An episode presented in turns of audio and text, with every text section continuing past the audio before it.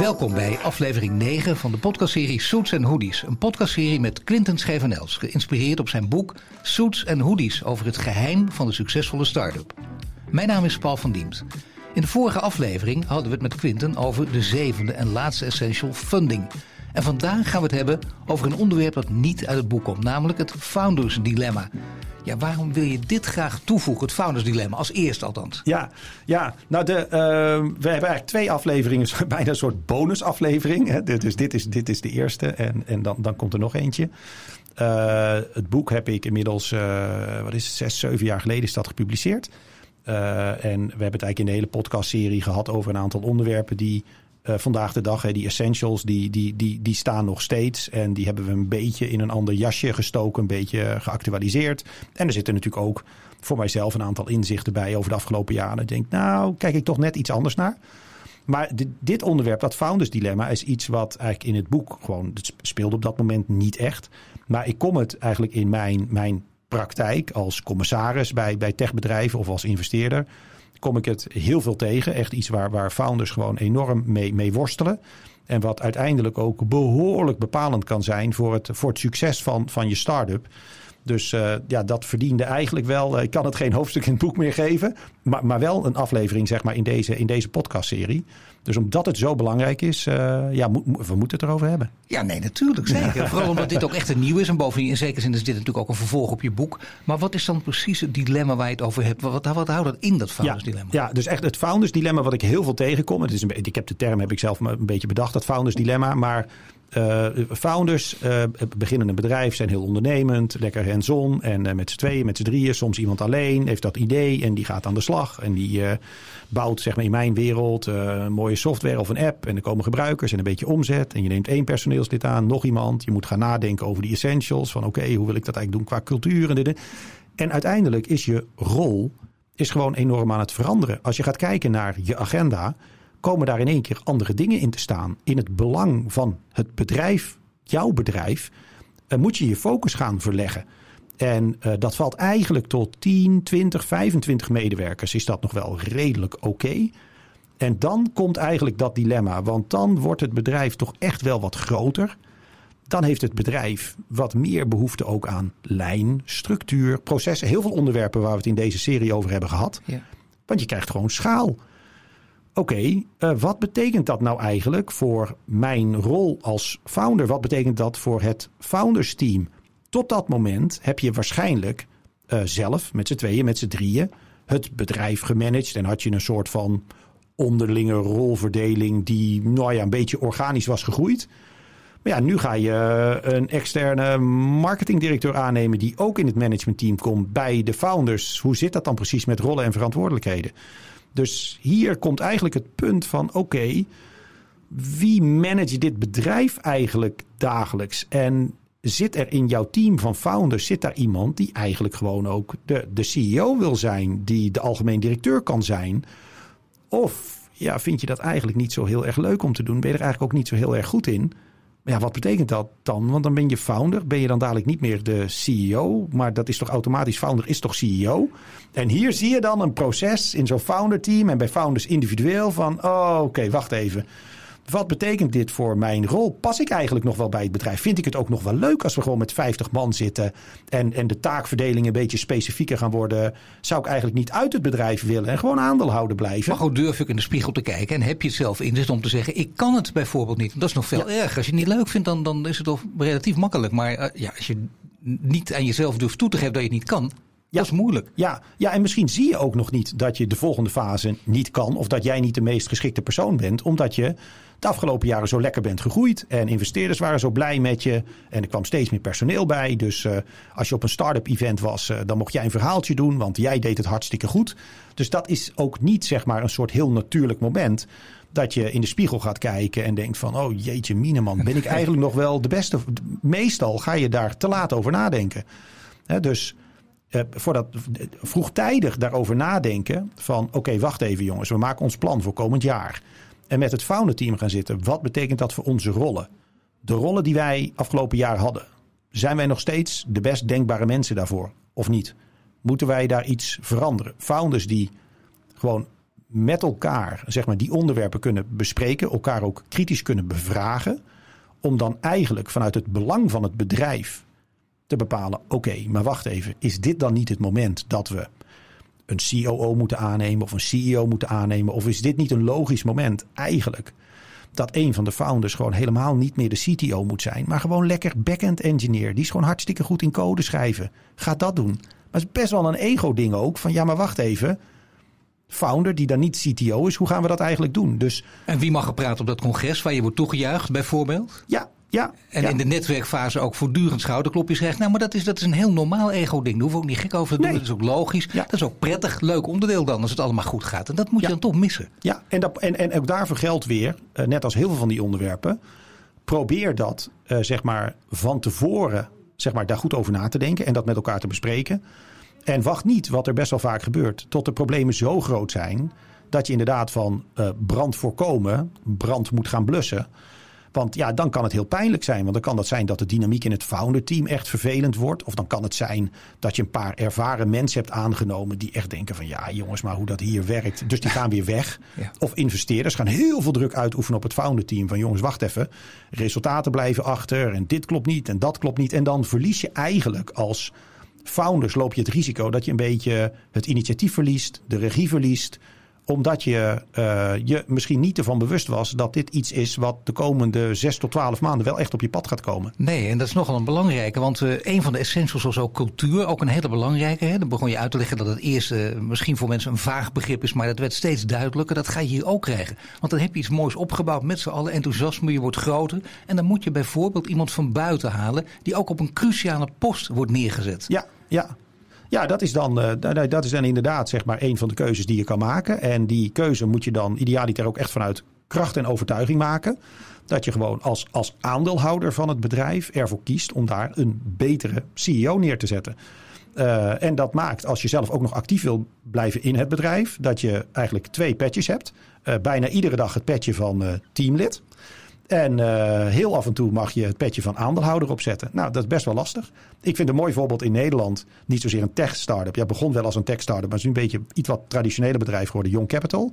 Waar drie founders zitten. Hele creatieve, energieke ja. founders. En die hebben uh, best wel uh, vroeg, ik denk een jaar of tien geleden, hebben die besloten om daar gewoon een hele professionele CEO neer te zetten.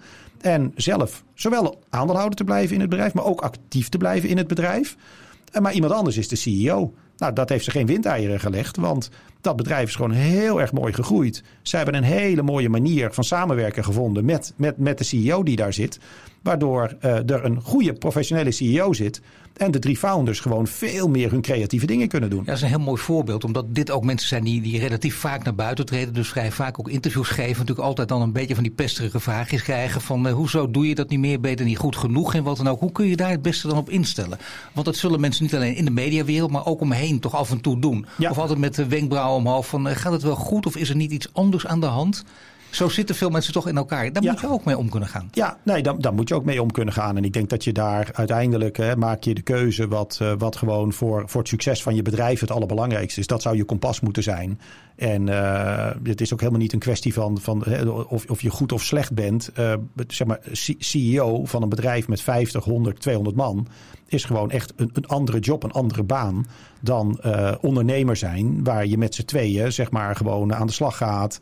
Uh, product market fit. En die, dat is gewoon een andere baan inhoudelijk. En nogmaals, dat is dus helemaal niet goed of slecht. Maar dat is gewoon anders. En, en sommige founders vinden het heel leuk. Hebben heel veel talent om zeg maar ook op dat pad zich door te ontwikkelen. Worden daar ook heel goed in. Geweldig. Maar voor anderen niet. Nou, prima, dat geeft helemaal niks. Toch zijn die voorbeelden uh, ter illustratie heel goed. Uh, ik bedoel, Google is volgens mij een, een, een, verhaal wat, wat af en toe verteld is, maar wat, wat op dit punt ook wel sprekend kan zijn. Zeker, ja, ja, ja, ook twee gewoon hele jonge gasten die elkaar toevallig ontmoeten op de universiteit. Uh, uiteindelijk dan dus besluiten om, om, om Google te starten. Uh, geweldig mooi idee. Krijgen ook meteen heel veel funding. Dus het bedrijf groeit heel erg hard. Ja, en die voelen al aan van ja jongens, wacht even. We hebben dat idee. We zijn technisch heel erg goed. Maar we zitten nu binnen no time. Hebben we in één keer allemaal aandeelhouders met heel veel verwachtingen en heel veel geld. En we hebben honderd man in dienst. En iemand moet dit allemaal gaan managen. Dat zijn wij niet. Dat, dat daar zijn we helemaal niet aan toe. Dat willen we ook helemaal niet. En die hebben toen echt een, uh, ja, echt gewoon een zwaar gewicht aangenomen. Met juist heel veel van dat soort ervaring. Eric Schmid, die vervolgens jarenlang zeg maar, Google is gaan managen. Tot het 15, 20 jaar later op een punt komt dat de founders zich comfortabel voelen om voor de volgende fase van het bedrijf zelf die rol weer over te nemen. Ja, dat is natuurlijk een heel uniek verhaal. Een uniek verhaal, maar wel een, ja, een uniek verhaal. Maar, en je kan het nooit uh, letterlijk kopiëren, maar wel een heel goed voorbeeld. Ja, Omdat zeker. zij hebben dat gedaan, ze hebben dat lef getoond. En kijk maar, eh, dat, als dat niet gebeurd was, dan was ook zo'n groot bedrijf met, met, met naam en faam ten onder gegaan. Dat ja. had gekund. Ja. Dat is heel reëel zo. Of in ieder geval, misschien niet ten onder gegaan, maar, maar niet zo groot en succesvol geworden als het nu is. En we proberen toch een beetje, zeg maar in, in, in de hele podcastserie, als vertrekpunt te nemen, uh, zeg maar, die echte, echte hele succesvolle start-ups. En er zijn natuurlijk heel veel andere die ook best wel succesvol zijn. Maar ja, Google is natuurlijk een ongekend succes geworden door, door, door dit soort keuzes. Ik denk wat, uh, dat is een, uh, we gaan nog niet de bel luiden, maar de trillion, nee, kom op, de trillion dollar coach is een heel mooi verhaal. Het gaat over Bill Campbell. En dat is, daar, daar zitten heel veel verhalen in waar hij als, als coach van dit soort hele succesvolle bedrijven ook die teams eigenlijk heeft begeleid founders naar een andere rol, externe CEO binnenhalen en, en hoe je dat proces zeg maar goed door kan komen. Uh, en daar staat ook heel veel in over het voorbeeld van, van, van Google. Hè. Dus hij was zeg maar de vertrouwenspersoon, de coach, de mentor. Die dat hele proces heeft begeleid. Waar die ongetwijfeld ook heel veel aandacht heeft gehad voor hè, de persoonlijke drives van mensen, ego-dingen. Om gewoon te zorgen dat dat goed gaat werken. Ja. Maar ja, dan heb je het al. Hè? Dat, dat vind ik ook iets om echt te overwegen als je een hele grote, succesvolle start-up bent. En je luistert bijvoorbeeld naar jouw verhaal, dat je nu vertelt. Dan denk je, wacht, wij, wij zijn er ook over aan het nadenken. Moeten we iemand van buiten binnenhalen? Maar ja, wat gaat er ooit een keer gebeuren? Dan komt er toch een keer een boek. Hè, dat jij natuurlijk je leven lang blijft boven je hoofd hangen. Er komt ooit wel of geen boek over Funda. Ja. Daar kun je allerlei redenen voor hebben. Dat doen we misschien ook nog eens een keer apart. Kun je ook een hele serie over maken. Maar het belangrijkste is in dit geval, waarom zeg je dan toch tegen mensen, ook al wordt er een boek over geschreven, doe het toch. Ga met zo iemand in zee. Ja, nou omdat het uiteindelijk gewoon uh, enorm kan helpen uh, voor het succes van het bedrijf waar je mee bezig bent. Voor de realisatie van die grote droom. En uiteindelijk uh, is, is dat voor de echt succesvolle founders, is die grote droom die is veel belangrijker. Daar is zeg maar jouw eigen rolpositie is, is ondergeschikt daaraan. Dus wat dan hè, heel goed kan werken, is dat je inderdaad momenten creëert dat je als founder team bij elkaar zit om eigenlijk dit te reviewen, eigen rollen, hoe het gaat, waar, moet ik komend jaar aan gaan werken, hoe moet ik me ontwikkelen, moet ik daar coaching bij gaan halen. Maar bijvoorbeeld hè, een, een, een mentor voor een founder team, zoals die Bill Campbell dan zeg maar was, of uh, dat je een raad van advies hebt, of voor de nog wat grotere clubs een raad van commissarissen, waar je gewoon mensen hebt vanuit een bepaalde integriteit, respect, vertrouwen. Die kunnen helpen om dit soort discussies te voeren, spiegel voor te houden. Zodat je het eigenlijk voor bent. Uh, en het hoeft helemaal niet altijd te zeggen van. En, uh, en dus uh, kan jij, founder, CEO, kan dat niet meer zijn. Dat kan betekenen van, oké, wacht even. Je hebt een aantal unieke talenten. Die horen echt bij de CEO, de voorman, de voorvrouw van dit bedrijf. Maar er zitten ook een aantal taken in de rol van CEO die veel minder bij jou passen. Dus uh, hoe kunnen we dat gaan doen? Heb je coaching, training nodig? Of gaan we iemand aannemen, een soort wingman, die veel meer intern allerlei processen gaat managen? Nou, daar, en daar heb je dan, uh, uh, ja, dan ga ik toch weer gaat die bel bijna, maar ook daar, ik bewaar nou, jij met je ook daar is een heel mooi boek over, komen we straks wel op. Goed, nou die houden we nog even vast op de bel. Ja, Want er zijn nog een paar andere dingen. Kijk, uh, jij zegt founders dilemma, dat heb ik zelf bedacht. Dat is een term die, die inderdaad, ga maar flink ook googlen. Er zijn nog geen uh, echt een boek over verschenen. Er is nog niet echt diepgaand onderzoek naar gedaan. Dus interessant uh, als jij dat nu zelf opwerpt en daar nu over praat... om ook naar je eigen praktijk, je omgeving te kijken. En want je noemde voorbeelden, net Google ja. ook en uh, Young Capital. Maar voorbeelden uit je eigen omgeving die hiervan op toepassing zijn. Ja, ja nou ik, heb, ik ben uh, zelf nou, bijna acht jaar lang ben ik betrokken geweest bij een Rotterdamse start-up. Die inmiddels is dat een scale-up, Vonk. Die jongens zitten in online recruitment... Uh, founder team met z'n drieën. Uh, succesvol product. Uh, 10, 15 man personeel. Toen, toen ik zeg maar een beetje betrokken raakte bij het bedrijf. En de drie founders hadden een beetje zo taakverdeling. Maar dat was eigenlijk gewoon een soort driekoppige directie die alles gezamenlijk besloot. En het bedrijf groeide, werd funding opgehaald. Het bedrijf werd dus groter. En op een gegeven moment ja, stond dat founderteam ook voor de keuze. Ja, wacht even. Het is nu wel heel erg belangrijk dat we één iemand hebben. die ook gewoon uh, de meetings voorzit. Die uh, ook uh, beslist. Dus nu moeten we toch vanuit de drie founders. die ook gewoon persoonlijk heel goed met elkaar zijn, waren. Nog, nog steeds zijn dus. Um, Ja, wie, wie gaat dat dan doen? Nou, in dat proces uh, heb ik dan gewoon ook een beetje kunnen helpen van wat betekent dat voor rollen, wie zou het beste geschikt zijn. En eigenlijk op een hele natuurlijke manier kwam eruit dat een van die founders uh, daar eigenlijk qua profiel het beste bij paste, de meeste ambitie en energie had om dat te gaan doen. En uh, daar hebben zij gezamenlijk gekozen van oké, dat betekent dat nu jij dus van ons de CEO bent. En uh, dat betekent dat we ook een professioneel managementteam gaan maken. Rollen gaan een beetje veranderen. Wij zijn gezamenlijk zijn we de aandeelhouders. Dus daar trekken we gelijk op. We hebben ook evenveel aandeelhouden. We gaan de managementfees niet veranderen. Dat blijft allemaal hetzelfde.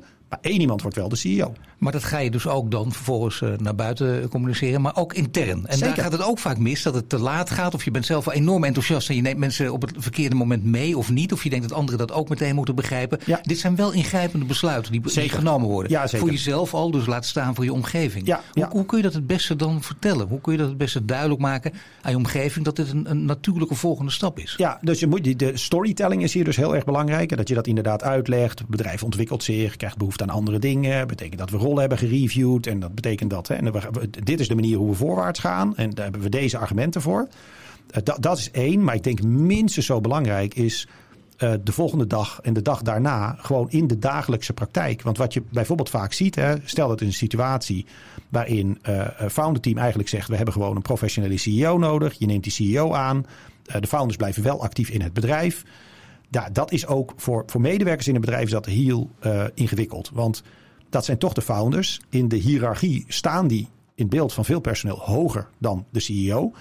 Um, dus als die founders wat zeggen in een meeting, ja, dan telt dat toch wat zwaarder dan dat de CEO het zegt. Maar dat moet natuurlijk eigenlijk niet zo zijn. Hè? De, de CEO moet eigenlijk gewoon bepalen van wat, er gewoon dagelijks Ook gebeurt. Uiterst onprettig voor de CEO. Ja. Een hele moeilijke situatie. Ja, ja, ja, ja, ja. dus de, de, daar is natuurlijk wel echt uh, de kunst dat uh, de founders met de CEO in dit voorbeeld dat gewoon ook heel goed afstemmen van wat betekent dat precies. Hè, uh, jullie zijn dan dus uh, aandeelhouder in het bedrijf, maar, maar niet iedere dag. Hè, dat ben je dus maar op een aantal. Dus dat betekent ook in, in je gedrag, de interactie die we hebben, moeten we er heel erg voor uitkijken dat niet in een meeting een founder zomaar even een idee oppert en iedereen erachteraan gaat hollen, terwijl de CEO nou net die planning heeft gemaakt waarom dat niet handig is om te doen. Dus, uh, Scherp de vereist ook op zo'n vergadering. Nee, maar dat, dat kun je doen. Dat kan, uh, dat, dat, dat, daar zijn talloze voorbeelden, denk ik, van. Ja. En dat is heel moeilijk om die nu te gaan, gaan melden. Want die heb je niet duizenden in je hoofd. Omdat je misschien wel mensen nu gaat voor de voeten gaat, uh, lopen. En, en onterecht, dus dat kan niet. Ja. Maar we zien het wel voor ons. En dat, dat is behoorlijk lastig natuurlijk. Ja, ja. nou, ik ben natuurlijk achterloos met, met de bekende sigaar in de mond opeens even wat gaat roepen. En iedereen ja. moet keihard lachen. Maar ja, dat, dat, is pijnlijk. Ja, ik heb zelf natuurlijk, ik ben bij, bij, bij Leer, was ik zelf de CEO die naar binnen kwam. Uh, met, uh, daar zaten drie founders. Uh, hartstikke mooi idee. Alle drie super creatief en inspirerend. veel funding opgehaald, althans relatief veel, 25 miljoen euro. En uh, op een gegeven moment was het bedrijf 50, 60 man groot. Uh, had allerlei productjes in de markt. Nou, andere afleveringen hebben we ook over gehad. Daar zat helemaal nog geen product market fit. Dus daar moest eigenlijk gewoon een professionele CEO binnenkomen. Dat was ik. En die drie founders, ja, daar merkte je meteen al in die dynamiek in het bedrijf. Van oké, wacht even. Uh, dat mensen gingen twijfelen. Ja, moet ik nou naar een van die founders gaan? Of moet ik nou naar Quinte gaan? En daar, had ik denk ik het geluk dat ik redelijk wat ervaring had zeg maar, in, in dit soort functies.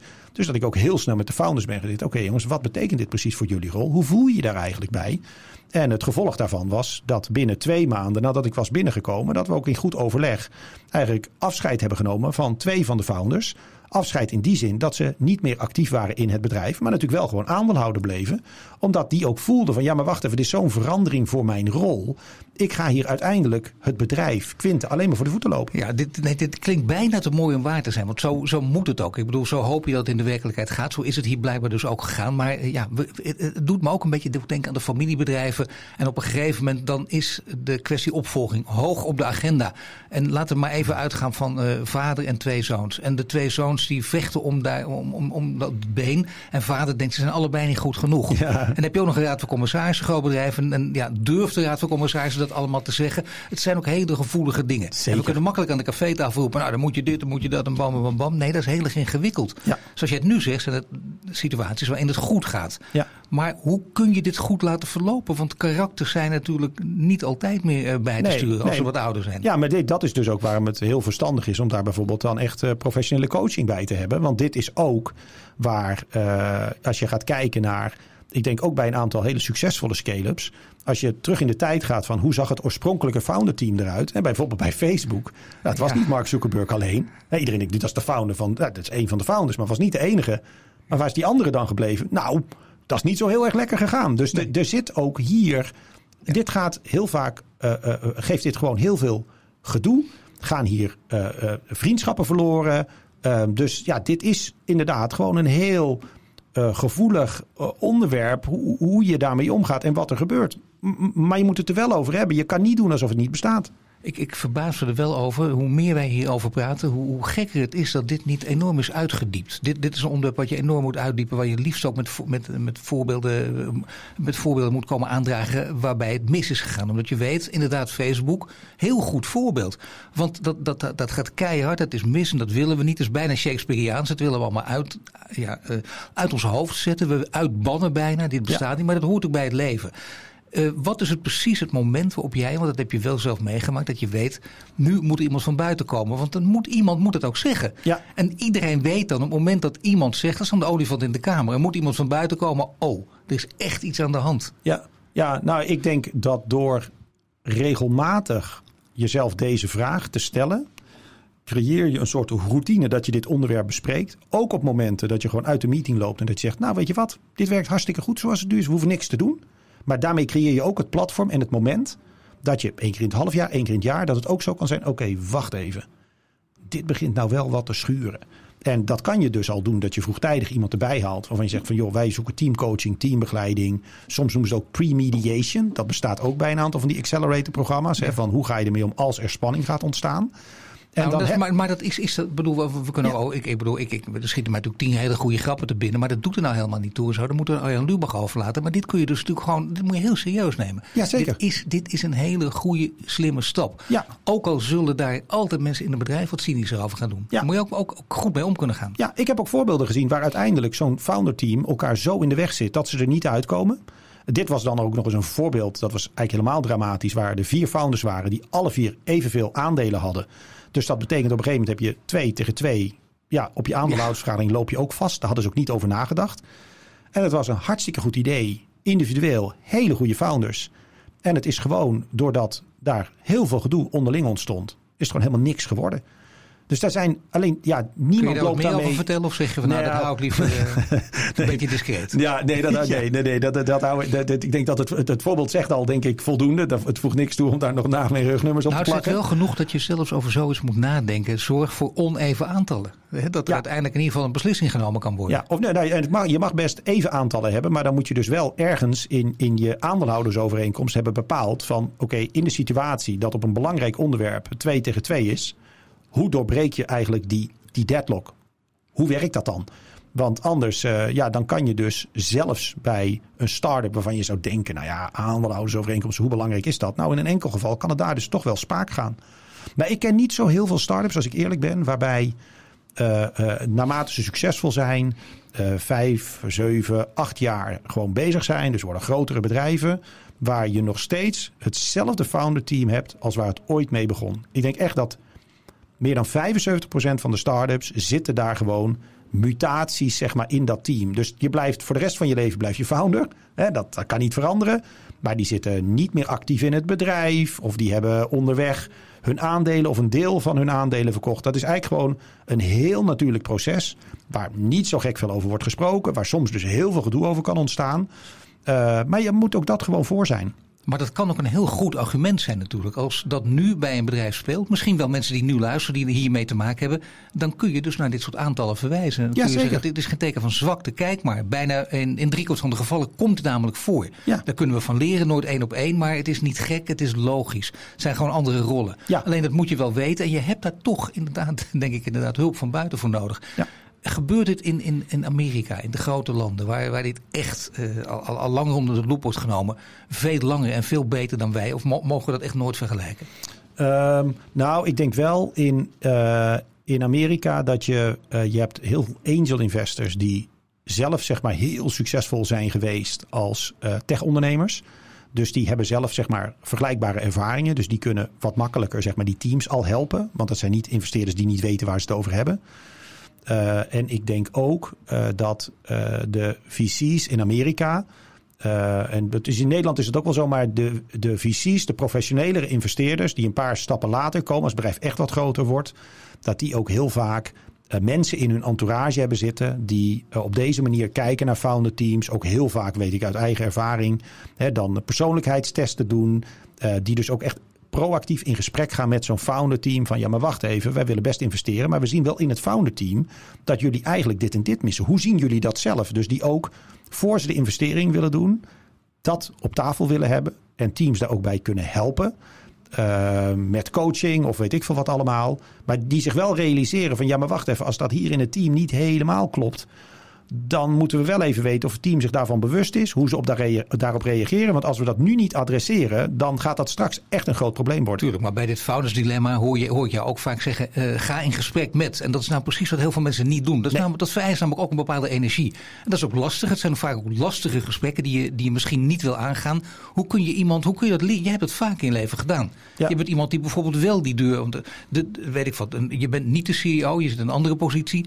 En de CEO zegt, mijn deur staat altijd open. Maar dat wil niet zeggen dat mensen ook naar binnen gaan. Ja. Daar is een hele mooie artikel en boek over geschreven. Hoe creëer je een sfeer waarin dat wel kan? Waarin je voortdurend met elkaar in gesprek kunt zijn? Ja, ja nou er zijn... Er zijn gewoon heel veel. Uh, je bent als, als founder, ben je natuurlijk een founder team. En als je hier onzeker voelt over je rol, ben je wel de beste persoon. Uh, wat is de impact ervan als ik dat bespreekbaar ga maken? Wat doet dat in dynamiek? Dan ben je natuurlijk best wel eenzaam. He, dus dan kan je, nou ja, zoals ik zei, dan kan je bijvoorbeeld een coach of een mentor. Maar je hebt ook best wel wat, uh, zeg maar wat, wat platformen, wat events waar uh, founders bij elkaar komen en gewoon eh, in vertrouwen over dit soort onderwerpen kunnen spreken. Je hebt EO, dat is zo'n organisatie waar internationale organisatie, waar ondernemers met een bepaalde omvang gewoon bij elkaar komen, met elkaar over dit soort onderwerpen kunnen praten. In strikt vertrouwen dus. In strikt vertrouwen, ja, dat is ook echt de erecode daar. Dus als je daar dan, je, wordt echt uit die organisatie gezet als je, als je dat niet doet. Dat, dat komt niet eens in je op. Je hebt in Nederland heb je uh, TechLeap, uh, waar natuurlijk ook heel veel succesvolle founders bij elkaar komen, ook met elkaar in vertrouwen over dit soort onderwerpen kunnen praten. En dan nou ja, op een gegeven moment ook kunnen zeggen van, oh god, joh, weet je, ik heb dat ook gehad. Ik ben er toen zo en zo mee omgegaan.